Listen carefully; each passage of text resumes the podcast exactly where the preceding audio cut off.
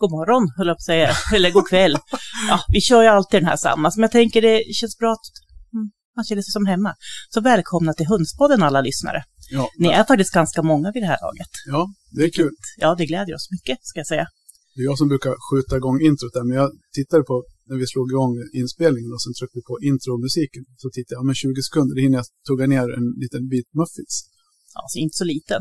Men det var typ 10 sekunder innan introt var slut så tystnade musiken. Mm. Ja, men då är vi igång igen. Det är vi. Och det Vilket- känns faktiskt riktigt kul. Ja. Eller faktiskt, varför säger jag faktiskt? Det känns riktigt kul. Det känns riktigt kul. Ja. Nu upprepar jag det du sa. Ja. Det är min, det är min liksom så här Ja. ödemakare. Just det. Eh, Mm. Nej, men vad kul att vi eh, har fått igång avsnitt nummer... Du sa att det var tolfte veckan jag var här och hundarna Ja. skäller fortfarande. Det kanske inte är tolfte veckan. Vi spelade in två avsnitt Ja. i veckan i något av, någon vecka. tio veckor kanske? Ja. Eller något sånt. Ja. Ja, det är en trevlig, trevlig eh, vardagsvana. Ja, verkligen. Jag kommer hit och får fika och, Få prata och få prata. Ja. Mm. och få åka. ja och, så, och titta på kycklingar har jag fått göra. Och ankor. Ja, och ankor. Så det har varit mörkt nästan varenda gång du har varit hit. Idag, men idag var det ljust när jag kom, så då passade jag på att gå ut och titta på de här ljuvliga minjongankorna som Ja. Emil har. Ja, precis. Jättefina. De är inte så roliga Mm. på morgonen klockan fyra när de sätter igång och skrika på mat. Ja, ja. Så är det. Mm. Nej, men som Helena sa, vad kul att eh, vara igång igen och att ni är med oss, kära lyssnare. Mm.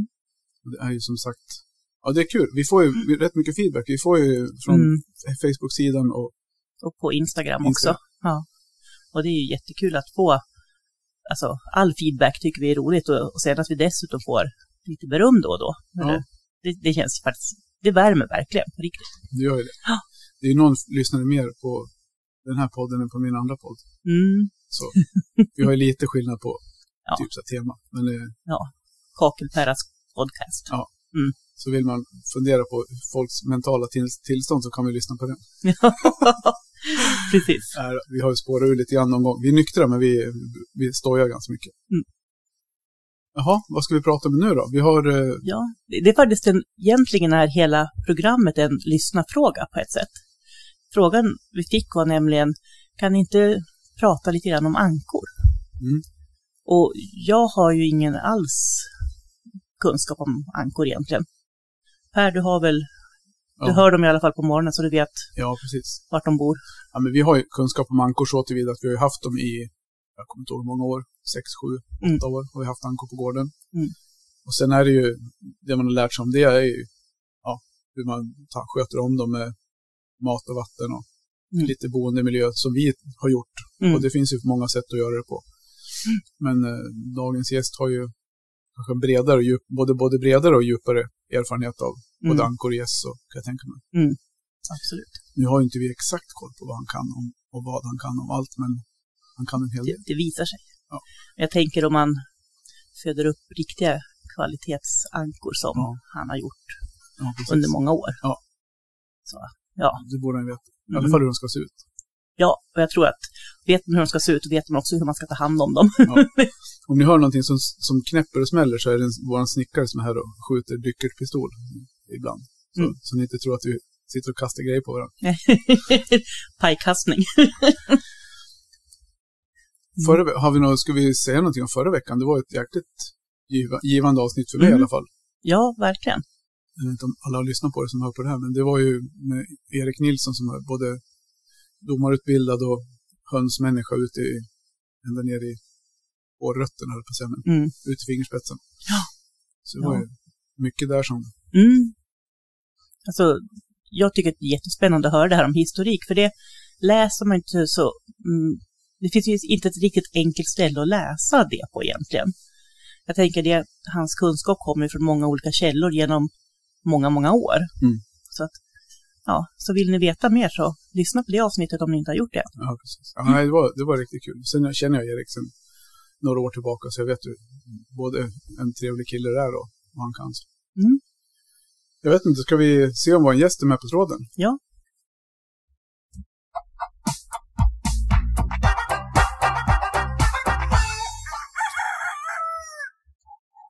Har vi någon med på tråden? Ja, jag är redan rädd. Härligt. Mm. Välkommen Leo. Tackar. Jag vet inte om du, hur mycket du hann lyssna på det vi pratade innan vi klippte in dig. Jo, jag lyssnade på det. Härligt. Du, eh, du får väl berätta lite mera eh, vem det är vi har med oss för de som inte känner igen din röst. Nej, precis. Eh, nej, vem är jag? Leo Berg heter jag. Ja, har väl hållit på med höns hela mitt liv. Ja. 36 år gammal nu och har hållit på sedan, ja, i 32 år då. Ja, det är bra. Det är en lång tid. Mm.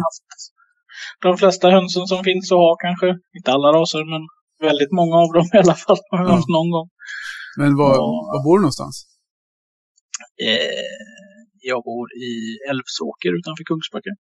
Ja, södra, södra, södra delen av Sverige var vi sitter i alla fall. Den hönstäta delen på väg. Ja, Ja, precis. precis. Det har vi märkt. När man ska försöka ha, få hit domare eller någonting så är det så här, där, där hönsen finns, finns domarna. Mm. Ja, då lite så är det. Mm. Det är ju lite tråkigt. Eh, Ja, det är väldigt mycket sämre med ja, rashöns kanske norröver i alla fall. Sen finns det nog många som har höns kanske. Men just Mm. nördintresset som vi har, det är väl mer utbrett i söder. Ja, det finns väl en djupare... Vad, vad tror du det beror på? Är det, någon, är det bara tradition eller är det... Det är väl kortare avstånd, det är lättare att träffas och umgås i föreningar och Mm. allt sånt här. Alltså det blir inte så långa avstånd. Mm. Man ska ha möten eller man ska träffas på någon uppfödda dag eller Mm. utställningar så att folk har närmare och då blir det lättare för folk att komma och då blir det helt klart mer intressant. Så jag tror det är därför att det är mer Mm. tätare mellan folk här. Så att säga. Ja, det har ju varit så så länge jag vet i alla fall hållit på med höns att det har varit mest, mest liv i föreningarna i södra Sverige i alla fall. Ja, men det har nog varit så sen, sen begynnelsen, att, sen föreningarna bildades. Mm. Och i grunden har det nog med att de som bildade föreningen en gång i tiden var ofta skåningar eller hallänningar från början som började. Mm. Sen finns det väl på andra håll också, men jag tror det är anledningen från början att ut, ja, intresset utgår därifrån kanske. Mm. För de som inte vet, vilken förening är det vi pratar om då? Eh, ja, då pratar jag om Svenska Rasfjäderförbundet eller dess lokalklubbar. Då. Mm. Och du är ju en- engagerad i Rasfjäderfäförbundet. Ja, det är jag ju ordförande där. Precis. Tänkte vi, då får vi det sagt också så vet de vem, vem det är som är med på tråden. Precis. Eh, ja, men dina höns då, vad har du, vad har du att dela med dig av där? Vad du har för erfarenheter och när det, hur hönsintresset började? Och, det började nog med att både min mormor och farmor hade rashöns eh, uppvuxen på, på en gård. Eh, med, ja, vi bodde på samma gård som min mormor och morfar. Och de hade lite olika rashöns och sånt. Eh, och sen hade även min farmor rashöns och ställde ut. Så jag gillade nog höns från att jag kunde fatta att det var en höna, tror jag. Mm. Det vet jag ju inte, för det kommer jag inte ens ihåg. Men eh, jag fick mina egna första höns, det kom faktiskt ihåg när jag var fyra år. Eh, av min farmor. Mm. Eh, och sen hade mina föräldrar lite hönsankor, men det var väl kanske inga rasrenar. Det var mest för ägg och att det var trevligt så att säga. Mm. vad, hade du, Då fick jag mina första alla vad var det för höns du fick då? då? Eh, det var gula dvärghockey. Fick du dem för äggen eller för att de var fina? Eh, det var nog för att eh, de var fina. Och hon hade gula dvärghockeyn och svensk dvärg och silkesdvärg på den tiden. Mm. Antagligen tyckte jag väl om dem bäst antagligen som jag fick dem. Mm. Eh, Skulle jag kunna tänka mig då. Men, eh, och den rasen har jag fortfarande och har haft i alla år. Ja, det är häftigt. Sen har jag haft jättemånga andra raser också och konstaterat varje gång att nej, det är inget för mig. Nej. Så, Nej. Men det är kocken som du har haft kvar längst då? Utöver det, vilka raser har du då som du Ja, har? dvärghockeyn har jag väl haft då sedan dess och sen fick jag mina första storkocken 92, då var jag sju då. Mm. Eh, De har jag haft sedan dess också. Mm. Ja, något som jag liksom förknippar med dig, det är ju ändå mignon-ankorna också. Jag tänkte Mm. på Biss här för några de- år sedan. De, har- de har jag väl lyckats bäst med. Ja. Eh, Så är det ju. Men eh, kocken det som ligger med varmast av hjärtat, alltså i hönsvärlden om man nu säger så. Mm. Sen är det ju lika, ja dvärg har ju lyckats bra med förr, men sen så gick intresset mer in på stora kocken och de är lite svårare. För det- finns inte så mycket odlingsmaterial av dem så att eh, man får ja, det tar tid. Mm. Vi pratade med, vi pratade med Erik Nilsson förra veckan. Honom känner du väl? Ja. Han berättade om sina dvärglägghorn som han har haft sedan han var Mm. liten Sju pojk, år, sju år. typ. Har du likadant som han, liksom avlat på samma grupp, stam, samma stam? Och, Det finns samma grupper kvar, eller fanns rättare sagt, fram tills i mars förra året när jag fick fågelinfluensa. Mm. Och då raderades 98 procent ut. Ja, allt blev avlivat, men sen har jag hämtat tillbaka från lite ställen där jag har sålt till. Då. Mm. Eh, och det gäller även mignonankorna då. Så att, eh, Mm. Alla mina djur blev avlivade i mars förra året. Så där, där dog väl den blodslinjen kan vi. Mm. ganska ja, du ser. Sen har jag hämtat tillbaka lite djur och så, men eh, Mm. det, det fanns säkert lite blod kvar sedan jag var liten, men eh, sen har man ju köpt, alltså, ja, som alla hönsmänniskor så är det ju alltid roligt att ta in något nytt och testa och Mm. avla på det och korsa och eh, liksom för att få fram en bättre höna eller ja, Mm. Nytt blod och allt så här. Så att, ja, det, det var nog inte jättemycket blod kvar från de gamla djuren så att säga. Men ändå, Och, och det ska det ju inte vara heller för att uh, vill man komma framåt så, eh, så kommer du ja, någon gång behöva ta in nytt blod och liksom samarbeta med andra uppfödare. För Mm. Mm. Är du ensam så, som till exempel nu när jag fick fågelinfluensa så ja, då är du ju kört sen. Då är du i vägs ände. Ja, men precis, Mm. det är väl en sån sak som vi har fått lite tips av också utav andra uppfödare, just att liksom härbärgera djur eller, eller ja, dela Ja, med det är sig. viktigt att dela med sig av sina djur tycker jag. Alltså till sådana som är intresserade av att hålla på med dem. För det har du alltid väldigt god nytta av själv. Det räcker ju att räven eller minken kommer få besök liksom. Ja. Mm. Det är ju det. Mm. Ja, Ja, det blir lika illa så sett. Ja. Absolut. Det är väldigt viktigt eh, att sprida sina djur. Man ska inte sitta och hålla på dem. För det, Nej. det, det gynnar ingen. Men det här med fågelinfluensan, hur, alltså, ja, upp, det märkte du själv hur, alltså det att det slog till? Eh, Ja, det märker man ganska kraftigt. Nu hade väl jag kanske jag hade cirka 300 djur när det hände då. Mm. Eh, Och ja, första dagen när jag upptäckte att det var något konstigt, då dog det väl 25 djur eller någonting kanske. Oj. Jäklar. Eh, och då enligt symptomen då så, ja det tydde ju på fågelinfluensa, så då ringde jag distriktsveterinären då. Mm. Och så kom de ut och tog lite prover och så skulle det analyseras. eh, Så det tog väl ett dygn innan analyserna var klara och det var en söndag så jag fick väl besked på måndag eftermiddag att det var det då. Och från att de var där på söndagen till måndag eftermiddag så hade det dött cirka 30 till. Oj. Så att eh, jag kan säga att man märker det. Det är Ja. inget man behöver sig för att det är en höna som dör utan Nej. kommer det så Mm. går det fort. Ja, då får man beklaga, för det låter ju som att det är ett livsverk nästan som går i kras. Ja, eh, då kändes det så. Eh, Mm. Jag var inte så positiv alltså, efter det. Jag kände inte bra att få med höns längre. Men, eh, ja, men så har man fått av lite kompisar som håller på med detta eller som föreningskompisar och sånt som Mm. har köpt en tjur innan och sånt. Så jag har fått tillbaka en del av det jag hade. Så, Ja. eh, Men hur hittar man inspirationen att fortsätta, tänker jag? Ah, men behöver man inte om man är riktigt intresserad. Nej, nej, för vi hade ju med en tjej, Ja. med en tjej som hade fått hök, hökbesök och rävbesök och fått soprent. Ja. Och hon var ju också nästan på väg att ge upp, men hon hade ju skaffat djur igen. Ja, hon Det fick är ju... jättemånga Ja. som lägger av i en sån grej. Har man Ja. hållit på i 32 år så har det ju passerat några hökar och några rävar och några minkar. Och, Ja. Mm. Ja, man lär sig att hantera det där liksom att ja, vi får gå vidare. Nu händer det här. Och Ja. sen lär man ju sig också kanske bygga säkrare hus och säkrare gårdar. Och, Mm. Alltså, man lär ju sig vad svagheterna är till slut. Ja. Att så Mm. kan du inte ha dem och så kan du ha dem. Alltså, Mm. det är ju faktiskt rovdjur kan man ju faktiskt skydda sig från till 99 procent. Sen kan det alltid Mm. ske ändå. Ja. Men bygger man rätt så har man mycket vunnit på det. Däremot fågelinfluensa är ju ganska svårt att skydda sig mot i och med att Mm. ja, det räcker ju att en vildfågel skiter på fel ställe helt enkelt. Ja, det är ju det. Det är det som är... Det Det, gäller ju även andra sjukdomar som Newcastle och ja, sådana här Mm. lite allvarligare sjukdomar. då. Mm. Ja, om jag kopplar tillbaka då till Carola som hade förlorat sina av mården eller minken eller vad vi tror att det var. Mm. Hon hade ju en dvärgkocken kvar. Men hon, eh, hon fick några av mig då som jag hade över. Så att, sponsrade Ja. ju, ja, det finns ju alltid höns att få tag på. Sen, Ja. Det är klart att en del kanske har dem mer som familjemedlemmar och då, Mm. det känns det säkert värre. mm, det, det har väl kanske inte jag riktigt om som, utan det är väl mer ett djurintresse i stort. Så att säga. Mm. Ja.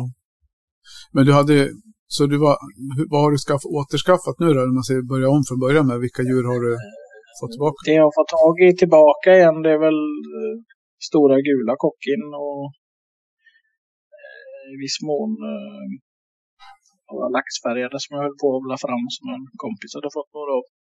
Mm. Eh, det är väl det jag har i höns idag. Eh, Ja, jag har dvärgkocken, tvärrandig också. Mm. Mm. Inga Men, min- eh, Inga ankor? Jo då, eh, anker, det hade jag faktiskt tur för jag hade alla, allt som jag hade sorterat bort och skulle slakta, det hade jag hemma hos mina föräldrar i en av deras dammar. Okej. Jag skulle slakta där då. Eh, så att eh, där hade jag faktiskt lite tur så att där eh, fick jag väl plockat ut det bästa som fanns kvar där. Mm. Och så att vad har jag kvar? Jag har vita, viltfärgade, dunkel viltfärgade och svarta och gula och blå viltfärgade och viltfärgade skäckade mignon anker då, eller mignon änder. Eller Mm. vad man nu vill det. Eh, så, Ja, det är hälften av färgerna jag hade innan i alla fall. Ja. Mm. Eh, och sen har jag faktiskt köpt några, ett par kejsaranker i somras på någon sån här Mm. hönsmarknad. Ja, du ser. Ja, men det är kul. Då har du i alla fall någonting att, att jobba vidare med. Ja, jo då, herregud. Eh, så att de sitter väl i avelsgrupper. Så att, Mm. satte de i avelsgrupper för två veckor sedan. Så att, ja, börjar väl lägga in i kläckarna kanske nästa vecka då. Men hur, tänk, hur tänker du nu då inför det här med att ha höns igen och fågelinfluensa? För den risken kommer ju finnas kvar framöver. Har du någonting, hur du... Nej, eh, det är ju så att hönsen kan man ju stänga in. Eh, Mm. Självklart, när det är fågelinfluensa. Det är ju, det är ju lösbart, men in enligt min mening. Nej. Utan, eh, de, de ska ha sin damm, annars mår inte de bra. Nej. Nej. Och det får man ju dispens för från Jordbruksverket också om du har ankel. Att du får faktiskt ha dem ute i dammen. Mm. Mm. Det, det är så pass mycket med deras um, levnadssätt och behov att få bada varje dag. En Ja. anka som inte får bada varje dag, den, den ser skrämd ut. Ja, men precis. Jag tänker, Precis. vi har ju med dig, du är ordförande i SRF. Och eh, vi har pratat lite med andra hönsföreningar och hur de jobbar och hur de tänker kring allt, allt från det gäller med avelsarbete till när det gäller liksom, utställningar eller ja. Och du får gärna berätta lite grann hur SRF jobbar och tänker. SRF, vi, vi är väl lite nördigare än andra hönsföreningar skulle vi vilja kalla oss. Eh, för att det är ett steg längre, om man nu ser det så. Alltså, man har höns för att man tycker det är trevligt, men man väljer en, en ras eh, och jobbar med för att man tycker om rasen. Och ofta kanske det faller på ett utställningsintresse efterhand på det då, att man vill visa upp sin ras och se de framsteg man gör i rasen. Alltså, för mig är ju mycket att, och många i SRF, att det är inte bara några hönor hemma och ja, de ser fina ut, utan ja, man vill ju uppnå ett standardmål och vi har ju en standard som vi jobbar efter om hur en ras ska se ut. Och den skriven för många, många år sedan. eh, om hur raserna ska se ut. Och eh, det tycker jag är väldigt viktigt att eh, man efterlever den rasbilden. Mm.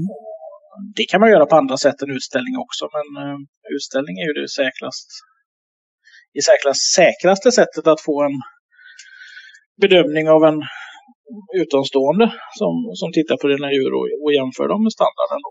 Mm. Och, och i sin tur får de ju en poäng då och en, en kritik eh, om vad, vad man kan förbättra och vad man kan jobba på med för att få den ännu mer lik eh, målet då som är standarden. Mm. Mm. Och har man inget mål så, så kommer ingenting bli bättre. Nej, precis. Och många andra föreningar som finns i Sverige idag, de, de bygger ju på lanthöns eller de bygger på kulturraser och sånt här. Och det är ju inget fel idag i det, för att en lanthöna den är ju svår att bedöma, för den ser aldrig likadan ut. Så de varierar i färg och form och, och Mm. är ju ganska brokiga, så att säga. Ja. Trevliga höns det med för den delen, men um, inget som man kan liksom bedriva något vidare avelsarbete med, mer än att man kan kanske ha en stam då som man bibehåller Mm. Mm. Men det är en väldigt stor genetisk spred, spridning i en sån stam så att du får ju aldrig en... Ja, det blir ju inte en ras på det sättet att, en ras är det ju, men att en... Det vi SRF strävar efter kan man väl säga att har du två föräldrar så ska avkomman se likadan ut eller bli bättre. Ja, Eller precis. den kan ju bli sämre också, men den ska Ja. i alla fall se Ja, som sina föräldrar när den kommer ur ägget Ja. och Mm. växer upp. Jo, men för det var ju som Erik sa förra veckan när vi pratade med honom, just om att vad, vad som kännetecknar en ras. Att man får ett förväntat resultat om man parar två djur. Ja. Mm. Och sen har ju vi sagt hela tiden i den här podden från början att en höna är en höna. Sen har vi bara olika sätt att, att jobba med dem. Så, så, ja, men det är ja, ju, men självklart är det så va. Men eh, och det är det är- samma, vi jobbar man då med kulturraser och bevarar dem. Och, Mm. eh, Det är väl lika viktigt det och, och de tittar ju mer på produktionsegenskaper än vad vi gör. Och kanske dock så har vi i standarden så står det alltid på varje ras om man läser den då att ja, äggen ska väga si och så mycket och de ska ha den färgen för den här rasen. Mm. Det ska man ju också titta på i, hemma att liksom då ska ju hönan värpa så stora ägg som den gör. Mm. Eller ska göra och den ska även ha samma färg som det står i standarden på äggen. An- Annars är man ju ute och cyklar där också. ja, precis. Mm. För man, Men det är inget kul jag att avla på ett djur som inte lägger några ägg heller. Så det, naturligtvis Nej, exakt. Det blir svårt. Exakt. Så att, eh, men vi kanske inte lägger lika stor vikt på det. Alltså, eh, utan mer på att eh, exteriören hålls då. Mm. Ja. Och det är därför vi har utställningar. Dels för att få en kontroll av din, din ras eller din besättning. Vad, vad, vad ligger du i exteriör mot standarden? Mm. Och sen så är det ju faktiskt ett ganska trevligt eh, moment med utställningar. Alltså, du får din bedömning och allt det här och, och gillar man lite tävlan då. Ja, Du ställer ut kaniner eller hundar eller vad du gör. Att, eh, du strävar ju för att vinna. Mm. Ja. Annars har du inte på en utställning. Nej, så är det absolut. Eller ja, första gången du ställer ut så kanske du ställer ut för att veta hur funkar det här eller liksom, ja. ja. Men när du väl har blivit biten av det så, så, så vill du ju verkligen vinna och det tror jag ni två vet också som ställer ut att man Ja. Ja, det är ju liksom, det är ju någonstans slutmålet på hela årets arbete med dina djur. Att du har gått och matat dem varje dag, du har kläckt dem och du har satt ihop dina avelsgrupper innan det. Och, ja, blev det som jag tänkte? Mm. Ja, precis. Blev det inte alls som jag tänkte? Mm. Eh, Man kan ju Det är vinna, nog det som men då kan vi också vinna. Om det inte blev som Alla man kan tänkte. Då kan man, Ja. få, alla kan kan man få en yxa. Ja, precis. Nej, men Fick, så det fick jag äntligen förra året. Yes. the golden axe. Mm. Nej, men alltså alla kan ju vinna. Det, det handlar ju inte om, visst, har du fött upp höns i 30 år så troligtvis så kommer du kanske lättare få fram det du vill ha. Mm. Om du har lärt dig något på vägen, ska vi tillägga. Mm. Eh, men det finns ju faktiskt de som har ställt ut i två år och vunnit också. Ja. De kan det här också. Så att, eh, det handlar ju om lite tur också, att para ihop rätt djur med rätt, Mm. typ, så att säga. Ja, vi, för det var ju, vi pratade lite om det här med produktion och, och just det här med att eh, en lyssnare som hörde av sig efter vi, Men alltså, pro- vi som jag bryr mig mycket om produktionen också, för jag är inte intresserad av en höna som värper tio ägg och sen lägger några mer. Då kommer man inte få några avkommor och få något urval av, så att säga. Man Nej. måste ju... Mm. Kläcker du hundra kycklingar så... Jag skulle säga att max tio av dem kommer bli så bra att du vill ställa ut dem. mm, Mm. ja, precis. Så att det, det bygger på att det blir bra med ägg så att du kan kläcka och få ett bra urval. Så Mm. produktionen hänger ju med lite i det, så att Mm. säga. Men som jag sa innan, vi är lite nördigare än de andra hönsfröna. Vi pratade ju lite grann innan, innan vi drog igång sändningen med dig också. längre. Ja, Mm. vi pratade med dig innan sändningen där också om det här med att, och du frågade lite om hur mycket lyssnare vi har och sådär. Och då visade det sig att det var en som hörde av sig i, i veckan här och, och skrev att hon hade blivit lite inspirerad och hon hade lyssnat på när Oskar pratade om hampfrö för att få igång eh, lite potensmedel för tuppen och det hade tydligen funkat. Sen om det var det Ja. som var eller inte, det, det vet jag inte. Men, Nej. och sen skrev hon en Nej. annan sak som vi pratade om förra veckan med, med Erik om det här med lägghorn. Han slog ett slag för den rasen som är en Mm. en fin svensk, ja men gammal produktionsras som värper mycket ägg. Och så, hon hade sett nu på avelsägggrupper, Mm. avelsgrupper, att det var ett ökat, en ökad efterfrågan på just lägghorn. Så Mm. inte, det kan ju vara vi som hade Ja, ett finger med i Ja, spelet. det kan det vara. Ja. Eh, Alltså många av de raserna vi har, eh, är, alltså ja, hälften av de raserna vi har är ju gamla produktionsraser. Så Mm. Mm. standard. då. Eh, Så att, vi är ju en helt vanlig hönsförening också om man nu ser det så, fast vi är mer riktade på utveckling. Men Men Förutom, förutom gulkocken, eller inte- säger, eller vi dvärgkocken. bryr oss inte om folk har blommehöns hemma och är med oss, det får de jättegärna vara. Eh, Och förhoppningsvis har de blommehöns så kanske de blir intresserade av någon standardiserad ras att ha också. Så Mm. eh, Det viktiga är att det finns ett hönsintresse, kan jag tycka. Ja, precis. precis. Absolut.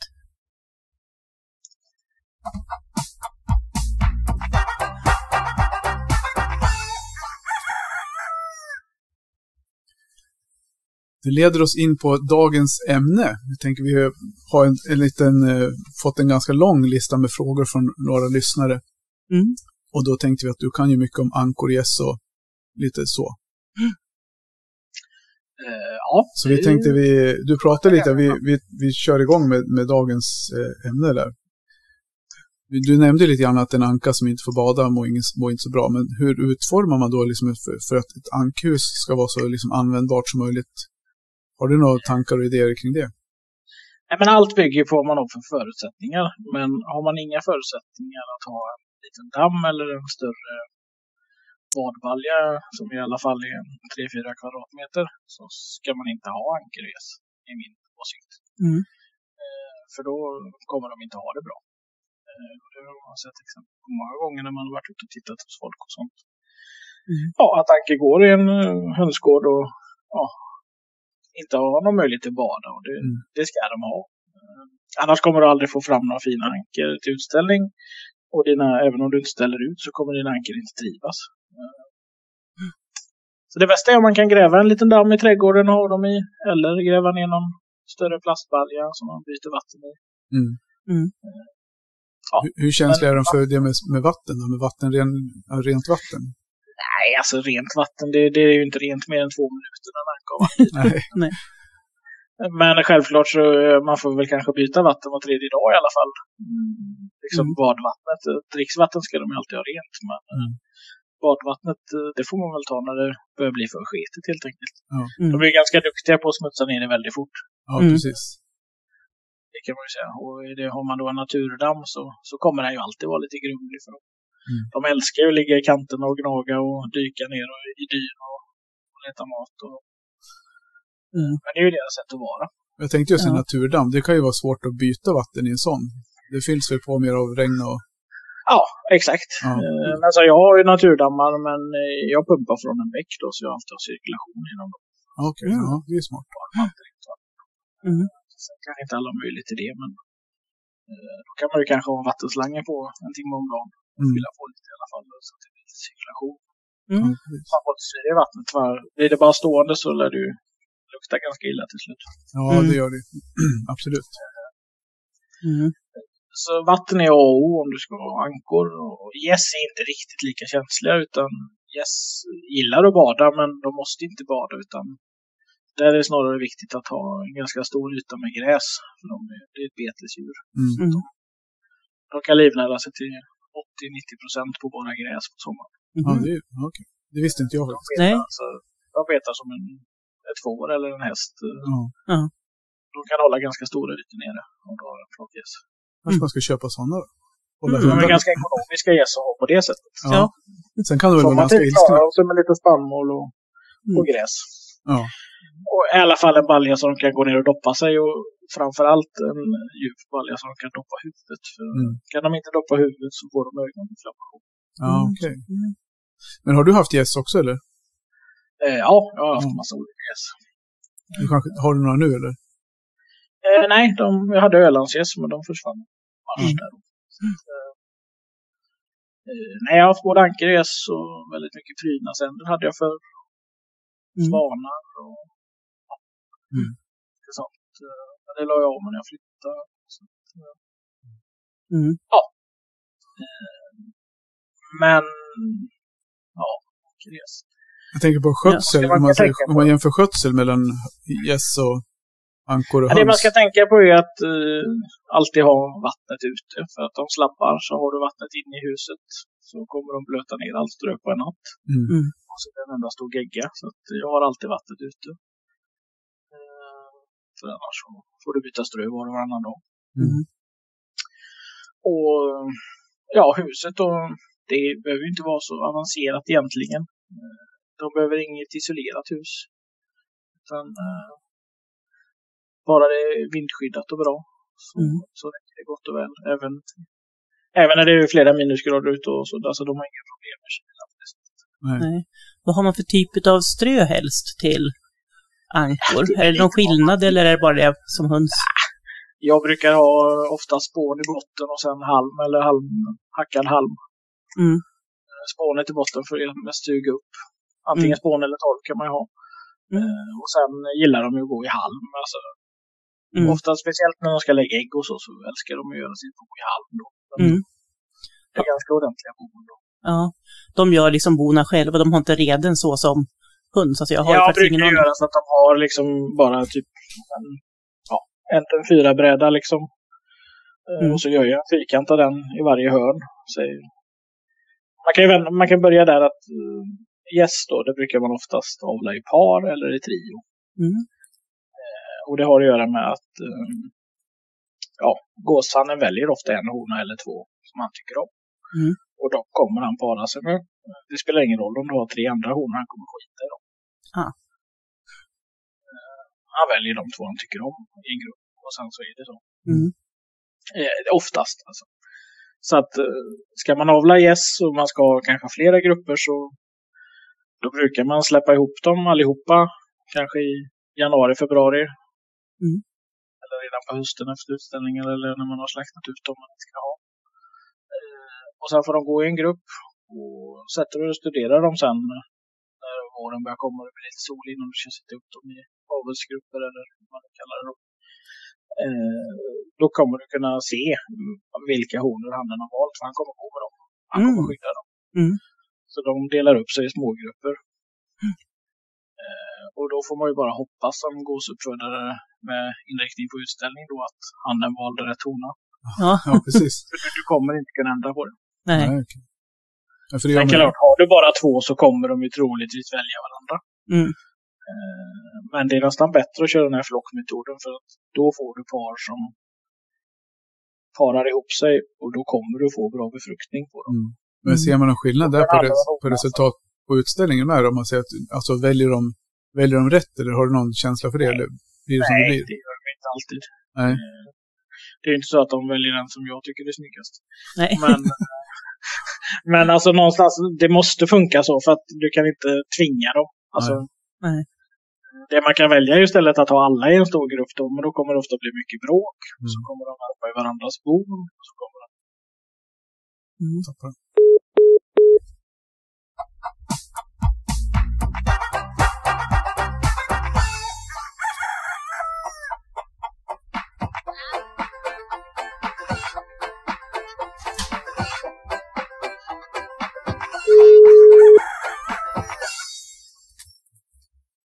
Se om jag fick med oss Leo igen. Tappade kopplingen. Just nu kan ditt samtal inte kopplas fram. Var vänlig försök igen om en liten stund. Okej. Your call Han kanske fick batteritorsk. Det lät nästan som det. Ja. Vi kan ju ta lite grann om våra ankor. Vi har ju minjongankor på gården. ja, precis. Jag var ute och tog, passade på att ta några bilder på dem. De är så Ja, de är himla fina. fina. Och det, vi har ju några stycken från Leo. Ja. Faktiskt. Eh, som vi köpte på Nationalen för några år sedan. Provar igen. Ja, ja men just det med att ha dem hemma och just att de har tillgång till vatten. Det är ju, det har man ju sett. Vi hade dem i stallet en, en vinter. Tog Mm. in dem utifrån. Och hade dem så de fick ha en mindre balja bara att bada i så bytte vi vatten. Typ varannan dag. Ja. Det är ingenting jag rekommenderar kan jag säga. För det blir alltså så fruktansvärt skitigt och det luktar ju inte så gott. Nej. Nej, så det är den fördomen som också verkar vara en sanning det som jag en har. sanning. Det är en sanning. Det luktar jätteilla. Och det är som man sa, Leo, det bästa de vet när de får rent vatten, det är att bajsa i vattnet. Ja. Det är det första de gör. Så Mm. de är jätteotacksamma på det sättet. så då sa jag det, om vi ska ha ankor så...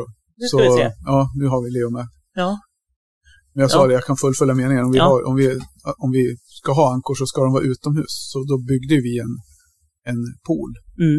Uppvärmd. Ja, ja, på vintern har vi en doppvärmare in så att det inte Ja. fryser. Ja. Har vi Leo med? Ja, Jag är tillbaka. Fick du slut på batteri eller? Nej, jag vet inte vad som hände. Det bara bröt där. Men det är väl Ja. sånt som händer. Sånt som Ja, en precis. Eh, vad var vi där? Yes. Om vi fortsätter med ämnet. yes. Ja, just det. Yes. Men i alla fall, har de så att de får välja partner själva så kommer de få bäst eh, befruktningsresultat. och så. Mm. Ja. Jag brukar ha dem i par eller trio. Och de har fått välja själva. Mm. Eh, och sen gåshuset då eh, brukar jag göra som ett litet hönshus fast en bred eh, gång ut så att de har som en, eh, ja, en skiva ut med, med ribbor på. Lite Mm. bredare så de kan gå fritt in i huset. Mm. Mm. Och så en lucka då som man kan stänga in dem från röven. Mm. så. Och där inne brukar jag göra i varje hörne då med en bräda liksom så att de har ett- ett rede i varje hörne. Så att de är så långt ifrån de kan vara honorna från varandra. Mm. Eh, och då brukar de välja varsitt rede. Och sen så börjar de värpa där och brukar jag låta första ägget ligga kvar så de liksom ska fortsätta värpa där. Mm. Och sen så plockar jag äggen efterhand då när de värper och låter allt ett ligga kvar. Eh, och det är ju för att de ska fatta och gå dit igen. Mm. Eh, och sen när jag är klar med det jag vill ha till kläcka i maskin så brukar de få lägga sig på de sista äggen. Mm. Och okay. själva då. Ser du någon skillnad på, på de som blir maskinruvade och de som är naturruvade? Blir på, Jag skulle nog säga att de som är naturruvade, om de överlever ska vi tillägga, eh, blir bättre. Men eh, dels ska de kläcka fram dem. Har man en äldre hona så brukar det gå bra, men unghonor första året brukar inte lyckas jättebra. vad är det som händer?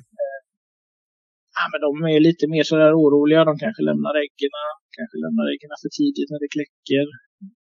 Det kläcks en unge och då går de ut med den och lämnar resten av äggen. Mm. Ja, de är inte liksom lika erfarna helt enkelt. Mm. Och sen är det ju så att när de väl kommer ut med ungarna då så får man ju ha en säker inhägnad. Så att det är väldigt lätt att kråkor eller spatlor och sånt tar ungarna när de Mm. kommer ut. Mm. Men jag skulle nog säga att när de väl växer upp så är det ju bättre att de går med sina gåsföräldrar. Och Mm. Mm. Ofta brukar man göra så att har man eh, kyckling, eller ällingar eller gässlingar som man har kläckt i maskin. De brukar gå bra att kunna släppa ut när de är några par veckor till de vuxna gässen. Så Mm. går de i flock med de vuxna gässen och de brukar ta till sig dem. Mm. Eh, Det brukar funka ganska bra. Mm. Funkar det lika bra med ankor också? Eller? Alltså, nej, ankor funkar inte riktigt på det sättet. Nej. Utan gäss är mycket mer familjära och ja, de bryr sig om varandra. Mm. Mm. Men vad är skillnaden då? Mer på ankor och gästen när det gäller dels att Ja, men ankor är ju och- mer irriga liksom. De är ju stirrigare och liksom, ja, mer, ja, de är, de är ankor helt enkelt. Eh, vad ska man säga? Ja. Och ruva och sånt är de ju bra på också om de får göra och då tar de hand om sina ungar och så. Men de är ju inte så att de tar in fler i gruppen liksom. Utan då är det de som är. Nej, för de, jag tror de dränker dem eller har, jagar bort dem och är dumma mot dem. Liksom. Mm. Precis. Så, och de är ju väldigt så här, vi hade ju någon anka, en som vi kläckte i maskin som blev ensam, som vi hade ihop med lite kycklingar, så växte den upp och sen när den var, inte jag, sex, Ja, sju sen veckor. tror den ju att den är en höna. Vad sa du? Ja, sen tror den att den är, en höna, så. Ja, någonting hände ju för att ankorna tog inte emot den i alla fall och den var ju livrädd för ankorna så den sprang all världens väg därifrån. Så vi, den var ju tvungen att sälja till någon Mm. där den fick det bra liksom. Så det Nej, men jag har haft någon som när det har kläckts någon för tidigt eller att man har bara haft ett ägg och testat befruktningen på ankorna och så har Mm. den fått gå med kycklingarna. Och det spelar ingen roll hur mycket du släpper den med ankorna, den kommer alltid försöka ta sig över till hönorna för den kommer Ja. alltid tro att den är en höna. det är Mm. typ fula ankungen. Ja, men lite så är det. Och det är samma med gässlingar, de är ju jättelätta att prägla Mm. på dig själv eller alltså kläck den under, en- du kan lägga gäss, gåsägg under en kalkon om du vill. Mm. Och den, kalkonen kommer kläcka gåsen och gåsen kommer tro att den är en kalkon och den kommer följa den här kalkonen tills den är vuxen. Och även när den är vuxen så kommer den gå bort till kalkonen. Ja. Ja. Och det är samma med gässlingar. Kläcker du dem i maskinen och du umgås med dem varje dag och går ut och går och släpper ut dem på grönbete med dem. Mm. För det vill de gärna ha, alltså från dag två gäss. Mm. Ja, då betar gässlingen. Mm. Eh, den kommer också följa dig hela sommaren. Det är som ett flasklapp. Mm. Men kommer den att gå Det att kommer dock aldrig en anka göra för den är inte så smart. Går den att sätta ihop med gässen sen då, när den har gått med dig en sommar? Ja, men det ska nog funka. Ja. Mm. Nu är det länge sedan jag hade någon sån, men när jag var yngre så var ju det lite Men det där är ju en fråga som man ser ganska ofta på sociala medier, just det där med att sätta ihop kycklingar med, alltså som man kläcker i maskin med, med vuxna djur. Vad, Mhm. vad är din erfarenhet där? Vi brukar inte göra det, men Nej, det är inte att rekommendera. Alltså, en gång av tio så kan det gå jättebra. Mm. Eh, Ligger hona, hönan och ruvar och kläcker och du kläcker i maskin samtidigt, då kan du putta under lite kycklingar när det är mörkt. ja. Det kommer Mm. hon aldrig märka. Nej. Men kläck inte kycklingar i maskinen som är tre veckor gamla och släpp in till en ruvhöna. Eller som har några egna kycklingar. Nej. De kommer, ja, till största sannolikhet hacka ihjäl alla som Ja. inte är hennes. Mm. Jo, precis. Nej, men för man, man ser ju frågan ganska ofta, så det kan vara bra. Jag tänker så att det är en bra fråga att Mm. ta som en så här... Nej, men alltså, sen finns det ju fall där det fungerar såklart. Men eh, Mm. min erfarenhet är att det brukar inte funka så. Nej, Om man inte Nej. gör det direkt när de är dagsgamla då, för då, då märker de ingen skillnad. nej, precis. nej. Kan man hoppas då, för det Ja. vet man ju inte heller. Och sen tänker jag att Nej, det, vet det man kan heller, men eh, tricket är att göra det när det är mörkt. Ja, Ja, precis. ja. För jag, liksom, jag tänker att det är lite skillnad också när man har när man inte har en ruvhöna utan ska liksom introducera kan säga, lite halvstora kycklingar till flocken och där kan det bero på hur flocken är helt enkelt, om det går bra eller inte. Ibland Ja. går det bra, ibland inte tänker Men så fort de är fullbefjädrade och man har en, en grupp kycklingar att släppa in så brukar det gå bra. För att Mm. Då är Ja, de ändå precis. så pass många så då skapar de en egen flock i flocken på något sätt. Ja. Eh, Precis. Men det är väldigt viktigt att de är fullbefjädrade för är de i, lite mer i dunstadiet så Ja, när Ja, det är blir lite- lampa en. Ja, det är med. Ja. Ja. Nej, sen vidare då, yes. Ja, men som gåshuset som jag sa där. Mm, behöver inte vara så stort, men till en trio yes så skulle jag väl rekommendera i alla fall två, tre kvadrat för som nattbostad då i alla fall. Mm. Sen ska de ju alltid kunna gå ut på dagarna. Mm. Och halm som strö. Mm. Bra. I alla fall under avelssäsongen. Sen resten av säsongen kanske man ska köra spån för att förenkla skötseln av det hela. Mm. Men det här med att ha ankor och gäss och höns tillsammans, är det någonting som du har någon erfarenhet du kan avråda eller rekommendera? Jag har dem aldrig ihop i samma byggnad. Nej. Eller, byggnad har jag väl, men alltså inte i samma fack. Utan, Nej. eh, då blir det det här att ankorna kommer söla sönder hönornas vatten och de kommer Ja. plaska med vatten i hönornas mat och det blir en göra av alltihopa. Ja. Ja, men det, det blir det alltså. Så absolut. Ja. det är bäst att ha dem åtskilda. Ja. Och, gässen, ja, kan ju, alltså, när de går ute som på sommaren hos mig, då går ju alla fritt på dagarna ute. Menar, då går de ihop. Så det är men inga problem. Mm. Jag tänkte precis, Själva man ser ju framför sig, man ser ju framför sig hur de kan gå på en stor, alltså på, ute i en trädgård eller på en gårdsplan. Man släpper ut dem så kan vi Ja, säkert... det är ju inga problem. Men då flyger väl ankorna iväg och gässen håller sig väl kvar. Men ankorna kan ju dra en världens väg. Nej, ankorna stannar kvar och de vet var de bor. De kanske Ja. gör det. Vi har aldrig släppt ut våra. Ja, ja, det är. Nej, Bara så, de vet var de har mat och vatten så kommer de aldrig sticka. nej, men, Nej. Eller ja, alltså det är klart, har du köpt dem igår och släpper ut dem så kommer de sticka. Ja. Det flyger- kanske går ett par, tre veckor, någon månad där de ska bo. Så, Mm. så brukar det inte vara några problem. Nej. Då har man ju alla ihop liksom ute på grönbete och så. Men Mm. just om man ska ha dem inne i en hönsgård eller hönshus, vi säger vinter, hösttid då liksom. Mm. Då ska man inte ha dem ihop för de kommer bara slaska ner ankorna. ja. Men tänk, jag, Och jag sen har, är det faktiskt så här att eh, om vi kan prata fågelinfluensa då att eh, ankorna kan ju vara bärare av fågelinfluensa Mm. och få det när de är ute i dammen till exempel. mm. Eh, men de dör inte av det.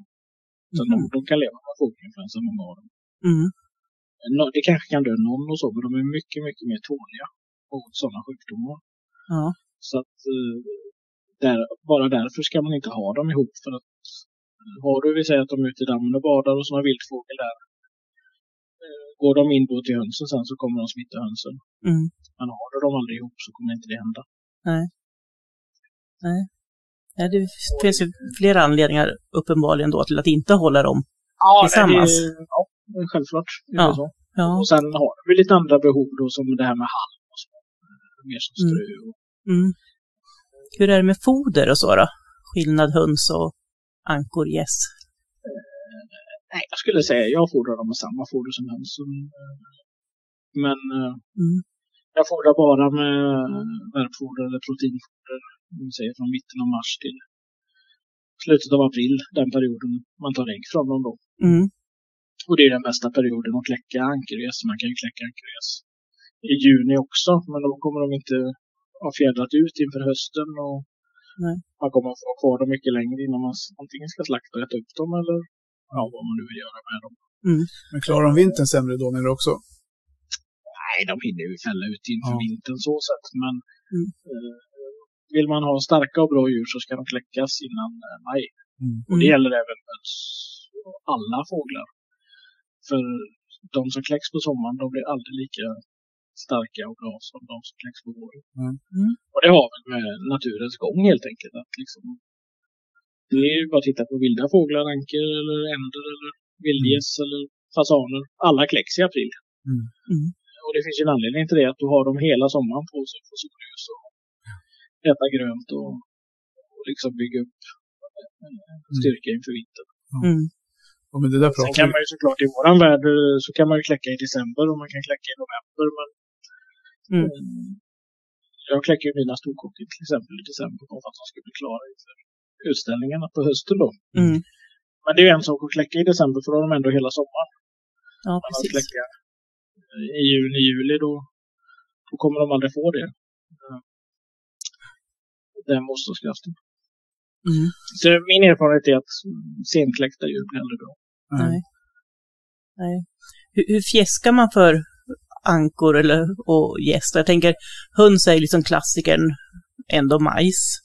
Så att, Ja, det ehm, skulle jag nog säga är hos mina anker i alla fall också. De älskar majs. ja, Det är ett bra godis. ja, Man ska tänka på om man har vita anker och tänker ställa ut dem så matar de inte med majs innan du har ställt ut dem. Nej. För det kommer sätta färg i den gula, alltså den vita färgen kommer bli gulaktig. mm, om det är någon majs.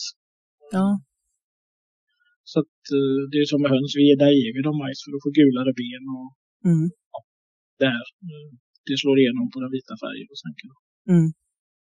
Ja, precis. så har man vita anker så ska man tänka på det. Men annars är ju majs tycker de är väldigt gott och sen gäss eh, är ju väldigt bra godis. Morötter eller äpplen och kål och sådana här grejer. De gillar ju liksom att gnaga och de Mm, biter av och äter det. mm, De är ganska glädje. ja, Det är som, häst, som hästar nästan då, som gillar att också äta morötter och äpplen. ja, det, Ja, måste, precis. ja, det måste jag mina höns med hela vintern som har något grönt. Ja, Varje det är dag. jättegott. Ja, Men just anker de äter ju inte sånt för de har inte det, den bit. Nej, De, de öser ju mer i sig maten. Eller vad ska Mm. man säga? Silar i sig typ. Ja. Tar mat i, i näbben och sen sköljer de det med vatten. Och så... Mm. det är Jag också, vi- jag har lä- har läst eller hört att svanar är sådana att de behöver doppa sin mat i vatten när de ska äta. Mm. Men det gör även gässerna om de äter Ja. torrfoder. Ja. Och det gör även också. Mm. Det är därför att, som jag sa innan, att de kommer kriga ner mathorn och allt det här. Mm. För de plockar med sig vatten från matskålen eller i maten. Mm. Eller Ja. vattenskålen eller i maten för att få en göra av det. Ja. De gillar det. Ja, Men om man ska kläcka själv då, om man ser att folk som frågar om det med att kläcka ankor och gäss i, eller framförallt ankor kanske, i, i kläckare, du som har hållit på mycket med det. Hur, vad ska man tänka på där? Finns det några så här, typiska knep som du brukar använda? Ja, eh, många upplever ju då exempelvis som Mignon som jag har mycket av att de är svårkläckta. Eh, Och det är de i mångt och mycket men det många gör fel. Alltså om man läser alla manualer till äggkläckare och sånt så står det att du ska ha runt 50% till 55% luftfuktighet när du ruvar ankor och så ska du ha runt 70 när du kläcker dem. Mm. Så står det i de flesta kläckmanualer lite beroende på. Eh, Steg ett för att få bra kläckning det är att ha en kläckare med fläkt. mm, Det finns ju väldigt många sådana här små lådkläckare man kan köpa. mm, Som är ganska billiga. Eh, Och de är, inte riktigt lika bra när det gäller eh, anker och gäss. De funkar ju på höns och så men mm, när det gäller anker och gäss så är det ju A och O att äggen får luft. Så att. Ja, precis. Ja, För vem var det som pratade om att träkläckare som andas? Oskar, Ja, det var Oskar. Ja, eller om det var Erik. ja, ja det var nog Oskar. ja. det, Ja. är- det där har ingen betydelse men eh, träkläckare, jag har själv flera träkläckare och de är jättebra. Mm, Eh, Men man kan lika gärna ha eh, en i plast fast den ska vara fläktbaserad då, att Mm. värmen Mm. cirkulerar och luften cirkulerar. Mm. Det är det viktigaste. Och det är ju det bästa med hönsägg också, men de är inte riktigt lika känsliga. Nej. Men apropå det här med fukten jag sa då, är Ja. att min Mm. erfarenhet är att jag ruvar alla ankägg på cirka mellan 40 till 45 procent Mm. fuktighet och det är cirka 5-10 procent lägre än vad de flesta Mm. manualer säger då. Mm. Och då har jag fått bäst resultat. Mm. Och sen när det ska till att och, och liksom kläckas ut, vad höjer du upp Ja, fukten? då ska du dra upp fukten till eh, runt 70. Så det, det gör ingen skillnad, utan det gör det som... Nej, där, men där är också väldigt viktigt att man inte får dra upp fukten innan. Många gör felet att man läser i manualen när man har anker och gäst, de, ruvar i 28 dagar. Mm. Och då står det ofta i manualen att dag 26 eller dag 25 så ska du öka fukten till 70. Mm. Och riktigt så enkelt är det inte för att alla kläckare kläcker olika. Mm. Det kan lika gärna kläcka på dag 29 och dag 27. Mm. Mm. eh, Beroende på om du har haft liksom 37,5 eller 37,8 grader i kläcken. Har du lite högre så kommer det gå lite fortare. Har du lite lägre så kommer det gå lite långsammare. Mm. Jag kör alltid på 37,6. Jag kläcker höns, anker och gäss. Mm. Och eh, det tycker jag funkar bra. Men när höjer du fukten då? då? Vilken, hur, vad är ditt knep för att Nej, veta när du ska jag höja, gör så här fukten? att jag lyser äggen runt dag 26. Mm. Och kollar då i luftblåsan om eh, de har fått ut näbben i luftblåsan. Mm. Eh, Och när ungefär 50 procent av äggen som ska kläckas har fått ut näbben i luftblåsan, då höjer jag fukten. Okej. Mm. För att då är ju näbben redan ute i luftblåsan, då är den inte inne i fostersäcken. Och då kan du inte dränka dem på samma sätt. Utan Mm. sätter du på fukten för tidigt och de inte har fått ut, eller är på väg ut i luftblåsan, så kommer fukten bli för mycket. Och då Mm. kommer de dränkas eget. Mm. För det du gör när du ökar fukten, det är ju egentligen för att underlätta för ankan att slå hål på skalet blir mjällare då, så att Mm. säga. Mm. Eh, och då, jag brukar liksom, när 50-60 procent har kommit ut i luftblåsan och några har börjat slå hål, då höjer jag fukten, för då vet jag att då är de ute Mm. och på väg ut och då Ja. behöver de ju fukten för att kunna inte torka fast i skalet och så här då. Mm. Men gör man det för tidigt så dränker man dem. Och Ja. det är samma med hönsägg egentligen. Man kan köra Mm. den metoden också. Mm. För att Mm. vara säker på när man, när man ska dra på fukten. Då. Det kanske man kan Mm. göra när man, har en, man har en kläckare som man alltid har samma inställning på och jobbar med typ samma, att man kollar det. Man kanske inte behöver lysa, eller lyser du varje gång då, eller har du lärt dig? Jag gör alltid det. du gör alltid Mm. det? För det blir inget, Ja. det, och upplever du att det är samma resultat eller vid samma tidpunkt eller blir det olika från gång till gång i alla fall? Det kan vara lite olika, för det kan ju vara lite yttre faktorer som påverkar med hur varmt har det varit i rummet. Och, så det Ja. där kan ju slå på en halv dag. Ja. Lite sådär. Mm. Eh, Och sen, eh, sen kan jag väl erkänna att jag är ju en sån där så jag lägger in en gång i veckan. Och fan la jag in förra lördagen eller la jag in förra söndagen. Ja. Ja. Jag glömde nog skriva upp det. Jag lyser Ja. och kollar. Ja, men då har du rutin på det. För, för de som Ja. kanske inte är Ja. vana att lysa, man lyser kanske för att titta om det Ja, kommer igång Och någonting. det är också en rekommendation, eh, även när man röver hönsägg, men även speciellt för ankergäss, att man lyser även på eh, mellan 14 och 18 dagen. Mm. För då kan man ju se vilka som har dött. Mm. Och de som har dött skapar ju en dålig atmosfär i kläckan. Mm. De vill du inte ha kvar i kläckan. Nej. Och framförallt då med ankergäss, för de ska ju ligga en hel vecka till. Mm. Och då Mm. har de dött, och vi säger på tionde dagen, då ligger de i 18 dagar och ruttnar i kläckan. Mm. Och har du otur då så kommer de explodera innan dess. Ja, nej, det låter ju inte så trevligt. Men hur, jag Men har, jag rekommenderar att man, man lyser, jag brukar lysa på sjätte dagen ungefär. ja, Mm. hur ser du att de är döda då? Nej, men man, då ser jag att de är befruktade. Ja, men precis. Men sen när du lyser hur- 14 till 18 dagar, hur ser du att de är Ja. döda? Eh, Ja, man får ju kolla. Ett levande foster, då ser du ju blodådror. I ett sånt ägg som har gått halvvägs eller lite drygt halvvägs, då ser du ju blodådror som liksom fäster sig inne på skalet och ut mot luftblåsan. Mm. Mm. Ser det mer ut som en liten klump utan blodådror, då är den död. Okej. Mm. Mm. Eh, Så skulle man kunna se det. Jag får Ja. väl träna. Jag har ju en kläckare som står och surrar här, men jag är inte där och tittar Ja, men det är mycket. ganska lätt. Du ser ju, liksom, när det, du ser ju nästan att det rör sig in i ägget också. Mm. Att det Ja. rycker till och sådär. Då Okej. lever den ju. Ja. Eh, För har man någon gång, det har säkert många av de som lyssnar lyckats få ett sånt där ägg som exploderar i kläcken. Mm. Eh, Då har du ägggöra på Ja. alla de andra äggen. Ja. Och det luktar inte gott heller. Nej. Eh, Så att det är mest en försäkring mot sig själv att man gör det. Och Mm. Man får en bättre miljö i kläckan. Mm. Mm. Ja, men så det måste man, det är, ja, det är självklart. Ja, det, lå- det låter rimligt. Ja. Ja, men vi har, Ja, som, verkligen. som jag sagt några gånger tidigare i avsnitten, att det är ju som sagt, jag kör, jag är den som står för underhållningen i familjen. Att hon sköter, hon sköter alltså själva det där med kläck och det. Så brukar jag kunna Ja. vara med och ta hand om kycklingarna. Men Mm. jag får väl träna, jag får börja titta kanske. Så, Ja. rap- rapportera. Ja, jag har... Men sen har vi en grej till då. Jag Ja. kläcker. Anker och framförallt gäss. Men, eh, och det är ju att man måste kyla äggen varje dag. Eller måste, men det ökar resultatet markant. Speciellt på gäss. Mm. Mhm. Och det har att göra med att eh, honan går ju oftast av en gång om dagen och går ut och äter och badar. Mm. Eh, hos hönor så är det ju Ja, de går av en liten stund och så springer de tillbaka. Men eh, en gås kan gå ifrån alltså, upp till en timme. Mm. Bada och greja och sen går de tillbaka till äggen. Och det är inget äggen att skada av. Nej.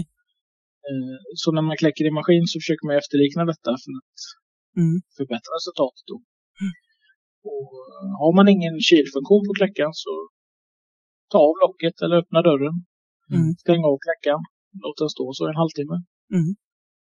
Eh, Och sen finns det lite rejälare kläckar. Om man har en större så finns det ofta att man kan programmera in en kylfunktion. Då, så att Mm. den går in i kylläge i, jag brukar sätta den in på 25 minuter, att den går in och kyler i 25 minuter och då skickar den in kallluft istället. Mm. Ja, rumsluft så att säga. Mm. Eh, och det är ju för att efterlikna det här då. Mm. Och så brukar jag även göra så att jag alltid sprayar äggen en gång om dagen. Eh, jag håller mig på de här 40-45 procents luftfuktighet. Mm. Men har jag en kläckare där jag inte har kylning på automatiskt så eh, det sista jag gör innan jag stänger och drar igång kläckaren igen, då sprayar jag alla äggen Mm. med vatten med en duschflaska. Mm. Och det är lite för efterlikna det här att honan har varit ute och badat då. Mm. Ja. Får de extra fukt. eh, Då höjer man ju kanske fukten till 50% 60% under en timme och sen så går det tillbaka till det man vill ha. Då. Mm. Men det gör ju att när den får det här vatten varje dag så blir ju skalet liksom tunnare och mer lättgenomträngligt sen för ankungen eller gässlingen. Okej. Mm. Spännande. Så luftning är väldigt viktigt. Speciellt på gäss. Mm. Utan luftning så kommer det inte gå bra att kläcka gäss. Men du, Anker är inte lika känsliga. och höns är inte alls lika känsliga eller? Eh, nej, men när jag kläcker höns, eller i och med att jag i min kläckare, eller ruvare då, jag har en som ruvar äggen i och en som jag kläcker i. Mm. Och det är ju att rekommendera om man kan ha det så. Sen förstår jag att ska man bara kläcka tio om året så har man ju bara en. Men, Mm.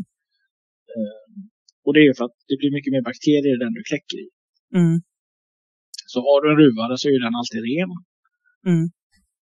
Och inga bakterier i luften och så på det sättet. Så du får mycket bättre miljö under ruvningen och så flyttar man över dem då när det är tre dagar kvar Mm. och lägger dem i kläckan då. Mm. Den är ju kanske lite skitnär och sådär då. Den får man ju göra rent oftare men Ja, så är det. Ja. Men vad, sitter här och nickar eh, igenkännande ja, nu. precis. Men jag tänker på, vad har ja, du för... Vad jag skulle sagt där var att jag ruvar alla mina eh, höns eh, och gäss och anker i samma ruvare på samma fuktighet. Mm. Så att hönsäggen åker med på den här kylningen. Ja. Och det, det blir inte sämre. Nej. Nej. För hönsen heller.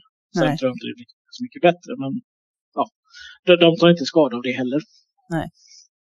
Ja, men det är bra. Vad har du för kläckare då, om man får fråga? Eh, ja, vad har jag inte för kläckare? Ja, precis. Vi börjar där då. Vad har du inte för kläckare? Eh, Nej, men jag har, eh, en, eller, jag har två olika Heka-kläckare som jag tycker är väldigt bra. Mm. Jag har en, en plastvariant, eh, helautomatisk, där du kan ställa fukt och kylning och allting. Så Det är du jag har Heka? Heka? Ja. Och sen har jag även en trävariant av Heka, en äldre modell. Som man får, den är manuell vändning på. Så att, eh, den använder jag väl mest till att kläcka i dagens läge. Mm. Och sen har jag en Hemel också. Mm. En träkläckare. Helautomatisk. Det är ju alltså Det är nästan, Hemel och Heka är i princip samma maskin. Det är väl två bröder i Tyskland som delade på sig för 40 år sedan. Japp.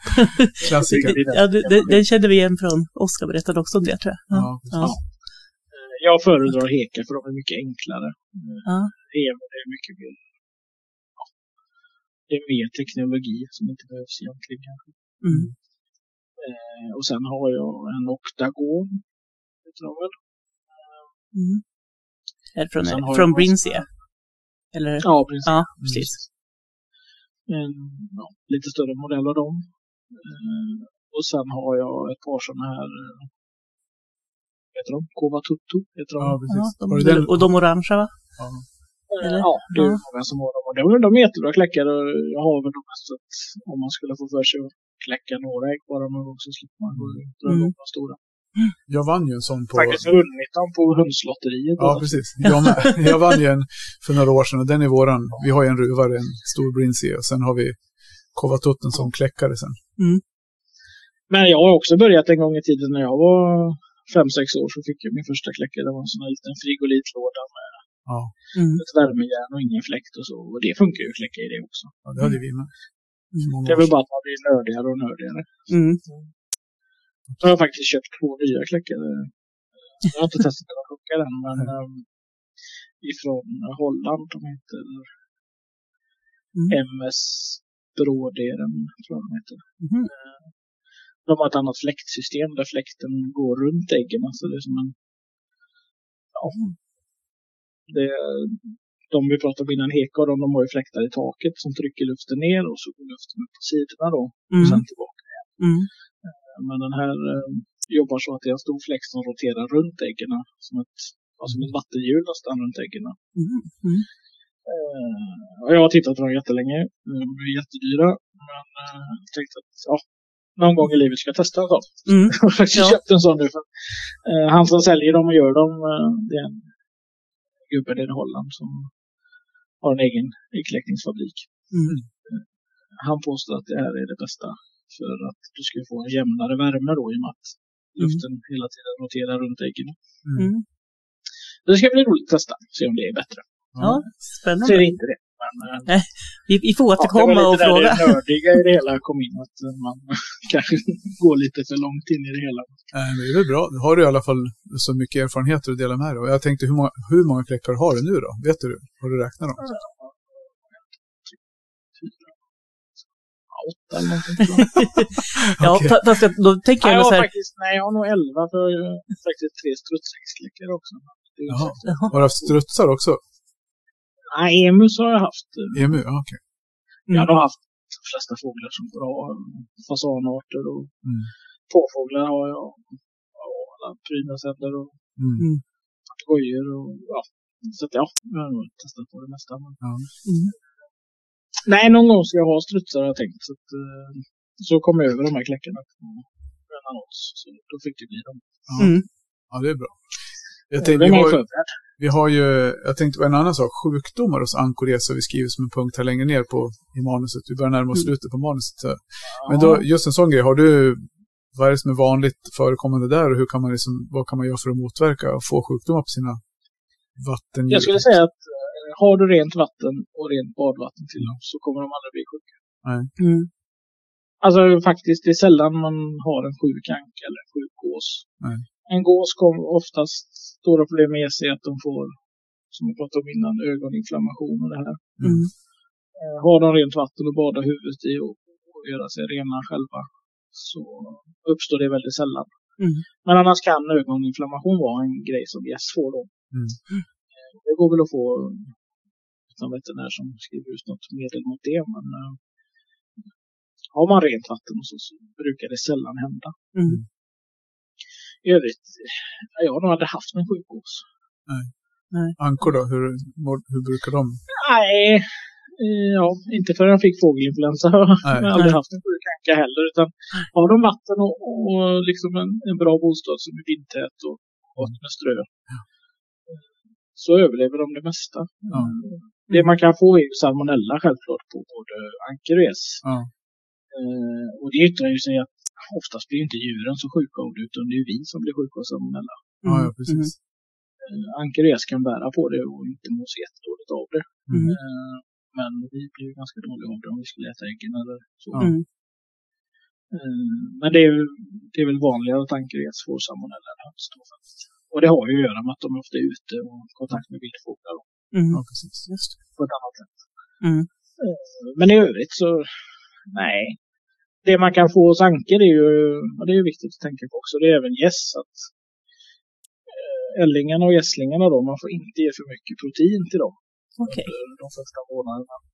Eller Ja, fram tills att de är fullbefjädrade egentligen. För får de för mycket protein så kan de utveckla någonting som vi kallar änglavingar. Ja, precis. Ja. Ja, det har jag hört talas om. Medicinskt begrepp på det, men det är att vingen vrider sig. Ja, Eh, nu vet jag inte om det här är vetenskapligt eh, testat eller så, men min erfarenhet är att har du för hög proteinhalt i fodret Mm. så kommer du få det lättare på dem. Mm. Ja. Eh, och det har med att de växer för fort att göra egentligen. Ja. Och det är samma... Får de för mycket protein så kan de växa så fort så att benen inte håller dem längre. okej. Okej. Mm. De har liksom inte den här spärren att nu ska vi inte äta mer då, nej, utan de äter. Mm. Ehm, Mm. Så att det är viktigt att tänka på inte för högt protein allt i fodret. Mm. Så att liksom rent startfoder ska man inte ge dem utan jag ger mina ällingarna ger jag väl säg 30% startfoder och kanske 30% allfoder Mm. och kanske 30 spannmål. Mm. Är mixat. Den första veckan får de startfoder för att det är enkelt. Men sen är de Mm. ju så pass stora att man kan börja pilla i sig lite så att korn och sådana här grejer. Då. Mm. Behöver de ha grus extremt- och sånt också förresten? Jag har ingen aning. Ja, kalk är jätteviktigt såklart. Eh, Jag blandar alltid kalk eller snäckskal Mm. eh, under hela uppväxttiden. Eh, För att det är starka skelettet på dem. Det är ju Mm. samma som höns. Mm. Och samma innan eh, när de ska lägga ägg ska de självklart ha kalk också för att Mm. få en bra skalkvalitet äggen. Mm. Eh, Och grus, ja, det plockar de i sig. Ja, ja, ut. de behöver ju gå ute på ett annat sätt kanske. Ja. Det, det, det brukar inte vara problem. Nej. Man kan lägga i lite sand kanske då hos uh, ankungarna om man har dem inne. Mm. Mm. Eh, Men viktigt är ju eh, kalk och inte för proteinrikt foder. Då. Nej. Eller att de växer lite långsammare och utvecklas bra. Mm. Och all sorts spannmål är ju bra, men korn och havre är ju... Jag använder mest korn och lite havre. Mm. Sen ja, vill man göra upp något till slakt så är ju vete helt klart en bra då sätter vi vikt så att säga. Mm. Eller en mix av alla, alla spannmålsslag och, bra. Mm. och majs. Ja, det låter... Ja, men vad, vad mycket bra svar vi har fått på frågorna. Vi har ju Ja, två... men det var något mer som var viktigt där. Men vad fan var det? Eh, Ja. Ja, prata vidare så kommer jag på det. Okej, Ja. ja. nej, vi hade ju två... Vi har två tittarfrågor, höll jag på att säga. Ja. Lyssnarfrågor. Eh, om vi börjar med den, en, den första då. Det var ju vilken, om det finns någon speciell ankras eller gåsras, som är, vad som är lämpligast att börja med. Ankras var det väl frågan? Det var ankras i frågan, ankras, men ja. vi kan ju fråga om gässen då. Ja, men precis. Vi, Mm. vill, om man ska välja ankor eller gäss för det första, vad, vilket är bäst att börja med? Och i så fall, vilken ras skulle du säga är den lättaste att hantera? Vi hade löpankor till det första ankrasen vi hade. Det var väl... Alltså, alla ankor är ju lika lätta. Ja. Men det är klart att eh, man ska ju välja något man tycker om. Det är ju steg ett. Något man Mm. tycker ser fint ut och något man tycker sig vilja ha. Mm. Men det är klart att eh, enkla raser att börja med är väl löpankor och ja, svensk gulanka och svensk blåanka är ju ganska enkla raser att ha. Ja. Mm. För Och sen kan man ju tänka då, vill man ha något som kan ruva fram sina egna ungar kanske man ska välja löpankor för de är de bästa ruvarna. Mm. Vill man ha mycket ägg så ska man välja löpankor för de värper jättebra. okej. Mm. Ja. Jag kommer inte ihåg, det var länge sedan. Mm. De Nej, men det är en av de bästa. Det är ju Ja. en. Och Vill man då istället kanske kunna slakta själv och ha kött så är ju svensk blå en bra köttanka, pekinganka. Man kan välja roenanka. Mm. Kajuga är ju en kombianka, både slakt och ägg. Mm. Väldigt lätt och väldigt snygg. Mm. Ja, de är Det fina. är jättefina. Låter alla ankor lika mycket som Alla- mignon eller? Nej, nej, nej. Min är värst. Så man inte vill ha en, en anka som skriker. Och vill man ha någon som inte låter allt, låter allt så ska man välja myskanka för de är tysta och lugna och fina. Mm. Mm. Eh, Och de skulle jag säga är den bästa ruvaren, alltså för att ruva fram egna ungar. Mm. Helt klart. Sen de andra ankarna, de, de ruvar ju allihopa mer eller mindre. Men uh, myskankan är den som ruvar helt klart bäst själv. Mm. Mm. Där ska man ju tänka på då att myskankar är svårare att kläcka i maskin, enligt min erfarenhet. Mm. De är bäst själv. Alltså myskanka är, det är en bra nybörjaranka helt enkelt. Den är tystlåten när man bor i, så att man har folk i närheten då man ser. För det är kanske det som spelar roll för många också. Ja, exakt. Mm. Mm. Sen är ju nackdelen då att myskankan flyger, det gör ju inte de andra ankarna. Mm. Mm. Men bor man i ett villaområde så kanske man i alla fall... någon flyger och smaragdanka flyger, men de andra ankarna de flyger inte långt. Det här med att vin, vinklippa ankor, vad, vad tycker du om det? Ja, det är väl inga bekymmer. Alltså, Nej. har du myskankor och bor i en villaträdgård så får du ju klippa dem helt enkelt. Om Mm. du har en trädgård annars så kommer de ju vara hos Ja, men jag tänker det är ingenting som, 14 kvarter bort. som djuren lider så mycket av, eller går det bra för den, ur den, den aspekten? Ja, nej, det, det, det har de inte ont av. Nej. Eh, Och myskankan är ju en fördel också att eh, de är inte alls lika badglada som andra ankor. De badar om de har damm, men Mm. Mm. de klarar sig utan att räcka med vattenbalja. Okej. Mm. Ja, men det är ju jättebra tips då, för då låter det som att myskanka egentligen är den rasen som är en bra nybörjaranka för. Mm. Man behöver inte Ja, bygga en stor och- damm och man behöver inte tänka på att den stör grannen. sen har så man ju det här jättemycket. och myskankan har ju sålts in som en sån mördarsnigelkung. Mm. Mm. Och där kan jag säga att du kan ha vilken anka du vill. Kanske inte min eller smaragd som är lite mindre då. Nej. Men alla, alla ankor äter sniglar lika Ja. bra. Bara de lär sig. Det var precis den frågan jag satt och klämde på för det här. För att liksom, för jag har förstått att det är lite av en myt att just Ja, är jag så skulle säga att det är väldigt mycket lägsna. för Ja. myskankor har jag haft många år också och jag skulle säga att de äter mindre sniglar än de andra snigelankraserna för att eh, alla, de flesta andra ankor är väldigt sökande efter foder och aktiva, springer runt och pillar och du vet myskankor mer står still och tittar. Ja, vad ska vi göra idag? Ja. Ja. Eh, visst, de äter ju sniglar också, självklart gör de det. Men eh, en aktiv anka äter mer sniglar.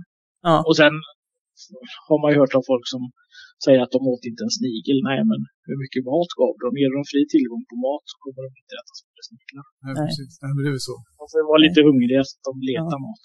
ja, jämförelsevis är ju ändå mat långsammare än en snigel om man ska behöva anstränga sig. Ja, Ja. exakt.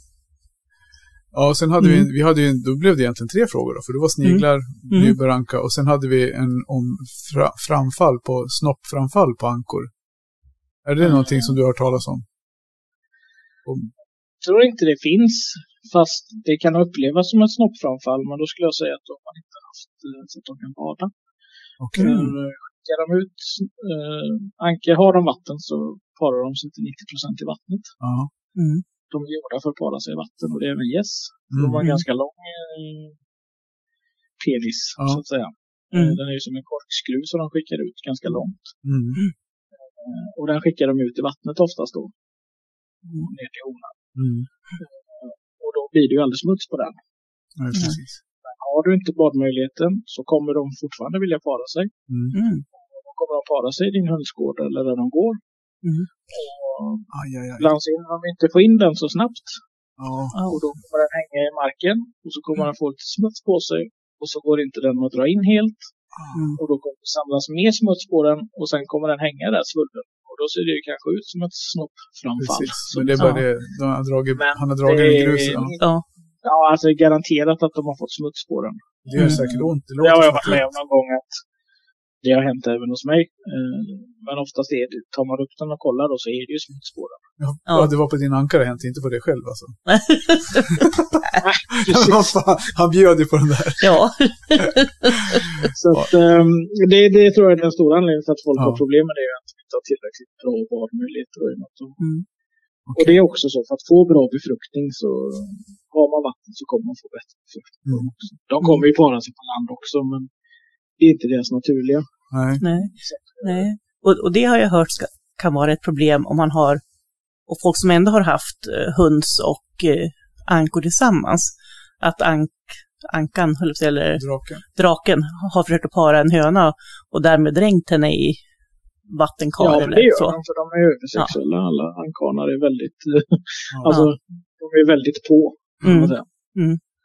Och det är också, det har vi inte nämnt heller, det är väldigt viktigt att eh, just banker då, yes som jag sa, de går ju mer i par och tio så här. Eh, den enda anka du egentligen ska ha i par, som funkar bra i par, det är mignon eller smaragd. Mm. För de går väldigt gärna i par. Mm. Eller trio.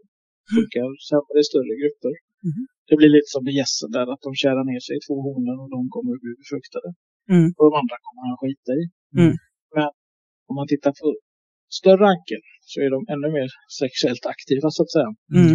Så har du bara en eller två honor, han kommer alltså para sig sönder med dem. Ja. Mm. Så, så där ska man hellre ha en större grupp, kanske i alla fall tre Mm. till fem honor. Så att de får lite andrum. För när Ja. det väl är parningssäsong så, så är de på. Hur Mm. många drakar tänker du då? Alltså om man, sätter, en- om man har en större grupp med En drake. En drake per tre, fyra ankor. Har du två drakar så får du öka honorna. Mm. För annars kommer de att vara skinnflodda. Ja, man hör ju ibland att det är lite livat ändå. Jag vet jag har ingen Ja, riktig jo, räkning jo, på självklart. Det är så. Men Mm. nu är du mignon också. Jag vet inte om du har märkt det, men jag, jag märker ganska tydligt mina när de går ut att de väljer sina par, Mm. sin hona som de går med.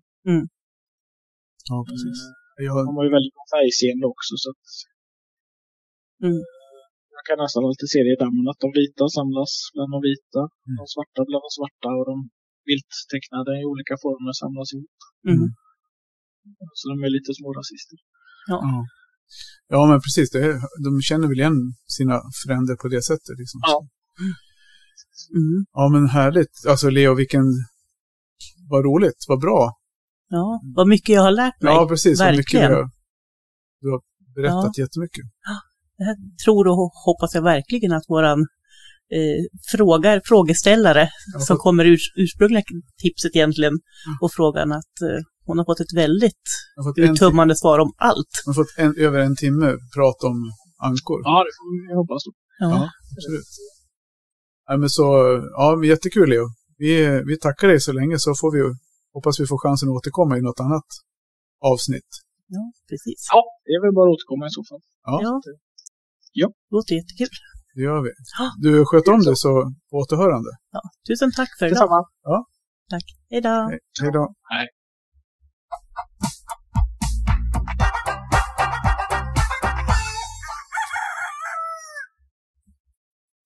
Ja Mm. du Helena, mycket ska man lära sig. Ja, nu känner jag, alltså, jag blev nästan inspirerad av att ha ankor, förutom att det här kladdet känns inte som jag behöver mer av hemma med Nej, hundar och lera och gräsmatta och allt det där. nej. Och höns, uppe på det. Och jag tror bestämt att jag eh, kommer ställa mig ute i, i andra hallen här vid kläckmaskinen och ta fram en ficklampa och kika äggen. Ja, precis. Nej, men alltså, jag kan tycka så här ibland att jag, jag kanske ibland frågar saker som jag redan vet svaret Mm. på. För att Mm. jag kanske tror att andra vill. Ja, men absolut. Så det är ju helt rimligt när man har en podd. Men när det gällde höns, det här med att lysa ägg. Ja. Jag, jag har faktiskt bara varit, stått bredvid när Tarja lyser ibland. Och jag har Ja. faktiskt aldrig tänkt på det här mellan 14 och 18 dygn. Det ska jag faktiskt titta på och se om Mm. de lever. Och, för det brukar Mm. hon göra. Hon ja, sorterar ju bort ägg när de är sådär. Mm. Men, ja. Ja, nej, men jag brukar göra det just när jag tar bort vaggorna som jag har i mina kläckare. Mm. Liksom då, och då lyser jag alltid och ser. Men, Ja. se, men jag har ju inte kollat efter om näbben är i Nej, precis. eller sådana grejer. Utan jag har ju bara kollat lever eller lever inte. Ja. Vi, är snart, vi är snart fullärda. Fasen, snart är vi lä- kan vi våra, våra lyssnare, tänk på vilken bra kunskapsbank vi bygger upp åt, åt eh, sven, hönsälskare runt om i landet. Ja, det är ju fantastiskt måste jag säga. Ja. Om jag får säga det själv. Och sen har vi då helt plötsligt vetat att det inte finns någonting som heter snoppframfall, utan det är mer bara en, att, en olyckshändelse. Ja. Som man kan åtgärda. Man drar snoppen i gruset.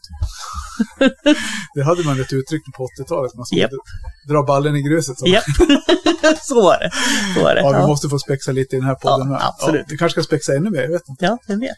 Ja, men eh, det här var ett, ja, ett roligt avsnitt. Det hände Ja. lite, grann, lite action här med. Så. Ja, och det var inte mitt fel vad jag vet. Det var inte Nej, det var den här inte- gången där. Nej, det, Att telefonen dog. det klickade ju från, från hans sida eller någonting som hände. Ja. Ja, och Ja. härligt. Nu ska jag hem och ge mina kycklingar mat för första gången. Det låter Mm. bra. Mm -mm. Så vi, då får du skynda dig hem. Ja, det ska Så. jag göra. Ses i nästa vecka. Det gör vi. Hej då!